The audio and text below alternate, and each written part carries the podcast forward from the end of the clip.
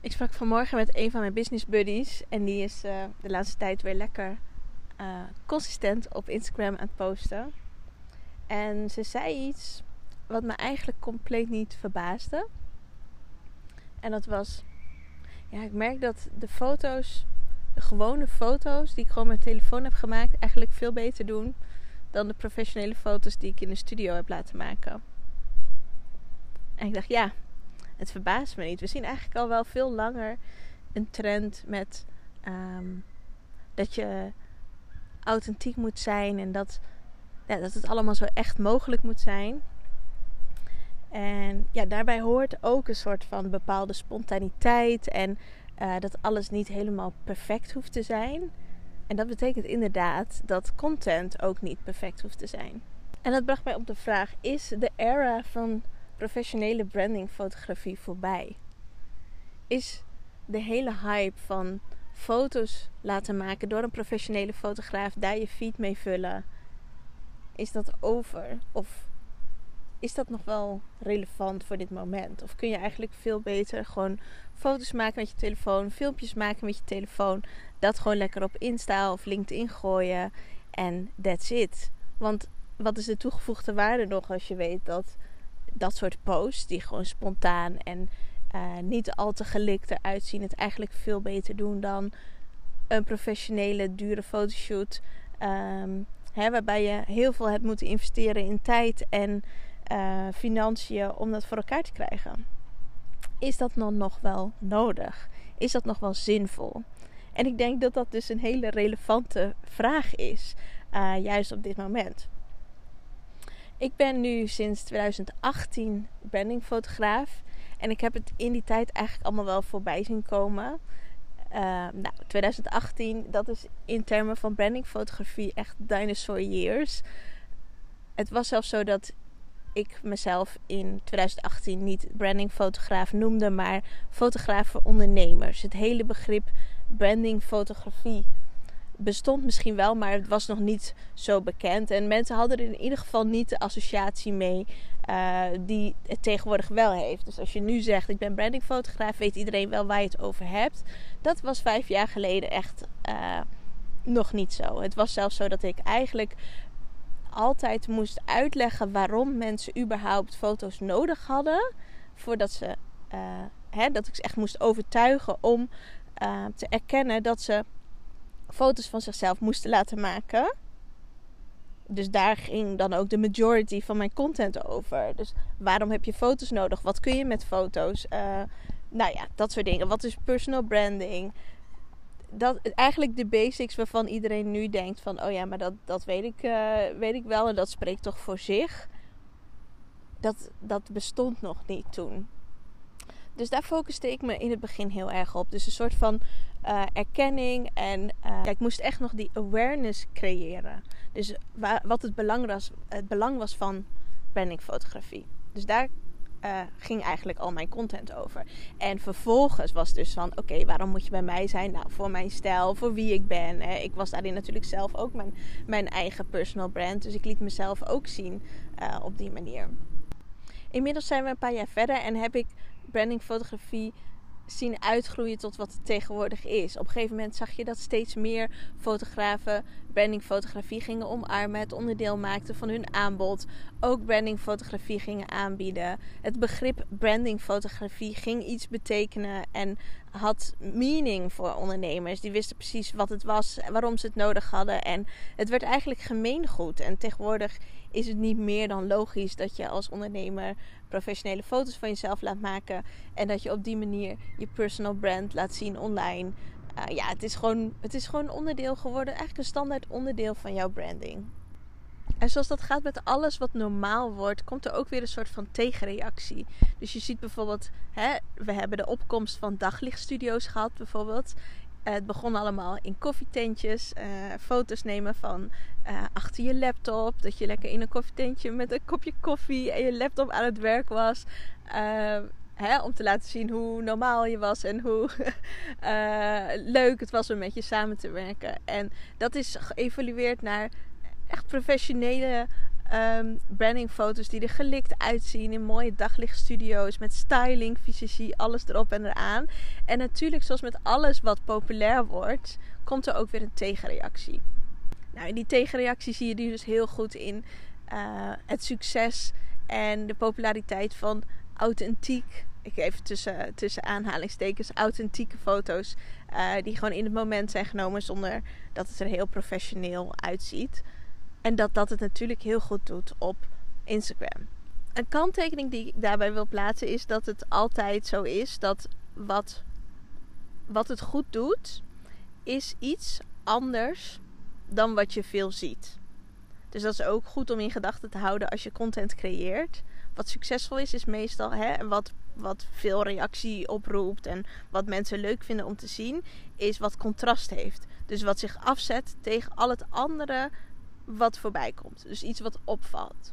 Dus het is logisch dat als iedereen uh, telefoonfoto's maakt van slechte kwaliteit en jij laat mooie foto's zien van jezelf professioneel in een slikke daglichtstudio, mooi gestyled, alles ziet er minimalistisch en, um, en uh, gewoon echt slik uit, dat dat opvalt en dat dat het beter doet dan wat je bij anderen ziet. Op het moment dat iedereen dat natuurlijk gaat doen, heb je het tegenovergestelde effect bereikt. Dit is gewoon een heel logische uh, oorzaak-gevolg. En omdat je nu dus zoveel uh, mooie foto's voorbij ziet komen, heb je overkill en worden mensen daar niet meer door geprikkeld. Maar waar mensen wel door geprikkeld worden, is natuurlijk datgene wat opvalt, wat anders is. En dat is dus precies het tegenovergestelde. Dus iets wat, wat rauw is, wat, wat um, spontaan is. Iets wat, waar niet over nagedacht lijkt te zijn. Iets wat dus authentiek overkomt. Maar wat betekent dit nu? Betekent dit dat de era van brandingfotografie voorbij is? Ik vind het een hele interessante vraag. Niet in de laatste plaats natuurlijk omdat ik zelf brandingfotograaf ben. Dit is mijn werk. Maar ik vind het heel interessant om steeds uh, de trends in de gaten te houden en te kijken wat speelt er in de markt en wat is er aan het veranderen en, en hoe kan ik daarop inspelen en waar moet ik op letten en waar kan ik rekening mee houden. Er zijn allemaal dingen die constant door mijn hoofd gaan en, en waar ik echt um, mee bezig ben. Natuurlijk is brandingfotografie nog wel relevant. Nou, ik denk dat ik daar heel kort over kan zijn. Um, door te zeggen ja, absoluut. Uh, brandingfotografie heeft nog steeds zijn waarde. Wil niet zeggen dat, dat, die, dat de manier waarop je brandingfotografie inzet misschien gaat veranderen. En de manier waarop we als brandingfotografen ook met z'n allen gaan kijken naar hè, het maken van content en het maken van foto's en het doel van de foto's. Ja, misschien dat daar wel iets in aan het veranderen is. Ik zie natuurlijk ook een beweging met dat iedereen een beetje klaar is. Sowieso met uh, foto's van uh, hè, een beetje die clichébeelden. Dat je gewoon achter een laptop aan het werk bent met een kopje koffie. Uh, ik zie natuurlijk ook voorbij komen wat iedereen zegt over al het beige. Over in een pak in een beige daglichtstudio staan. Natuurlijk, ik ik zie dat voorbij komen en ik, ik heb daar een mening over. En dat is misschien iets voor een, voor een andere aflevering. Maar hoe gaan we brandingfotografie vanaf nu en ja, in de nabije toekomst inzetten? Hoe gaat dat veranderen? En ik denk dat je absoluut een verandering gaat zien in social media. Naar meer video is sowieso natuurlijk al bezig. En niet alleen video, maar ook foto's die niet meer zo gelikt zijn, allemaal. Ik denk dat we echt wel naar de, naar de meer authentieke foto's, als in gewoon telefoonfoto's en uh, vol spontaniteit eigenlijk. Ja, dat je dat op social media echt wel meer gaat zien. En tegelijkertijd denk ik dat brandingfotografie nog steeds super relevant is. Al is het alleen om gewoon een hele fijne beeldbank te hebben aan fotomateriaal dat je op elk moment kunt inzetten. Niet iedereen heeft namelijk tijd om elke dag even. Uh, een mooie foto van jezelf te maken, een goede outfit aan te trekken. We zijn toch bewust, vooral als vrouwelijke ondernemers, denk ik, zijn we heel bewust van hoe we overkomen. Dus daar moet je toch over nadenken. En niet iedereen heeft per se die skills of de behoefte om daar elke dag opnieuw aan te denken. Van wat trek ik aan? Klopt het bij mijn brand? Wat ga ik vandaag ehm, doen om er zo uit te zien dat het nog steeds representatief is uh, en tegelijkertijd authentiek? Kijk, dat zijn natuurlijk allemaal dingen waar je over um, moet nadenken als ondernemer die online onderneemt, in zichzelf um, laat zien online. Dus in die zin is het fijn dat je gewoon één dag in, nou zeg het kwartaal, uh, gewoon kunt toewijden aan het maken van content. Je hebt goede outfits uitgekozen, je zit in de make-up.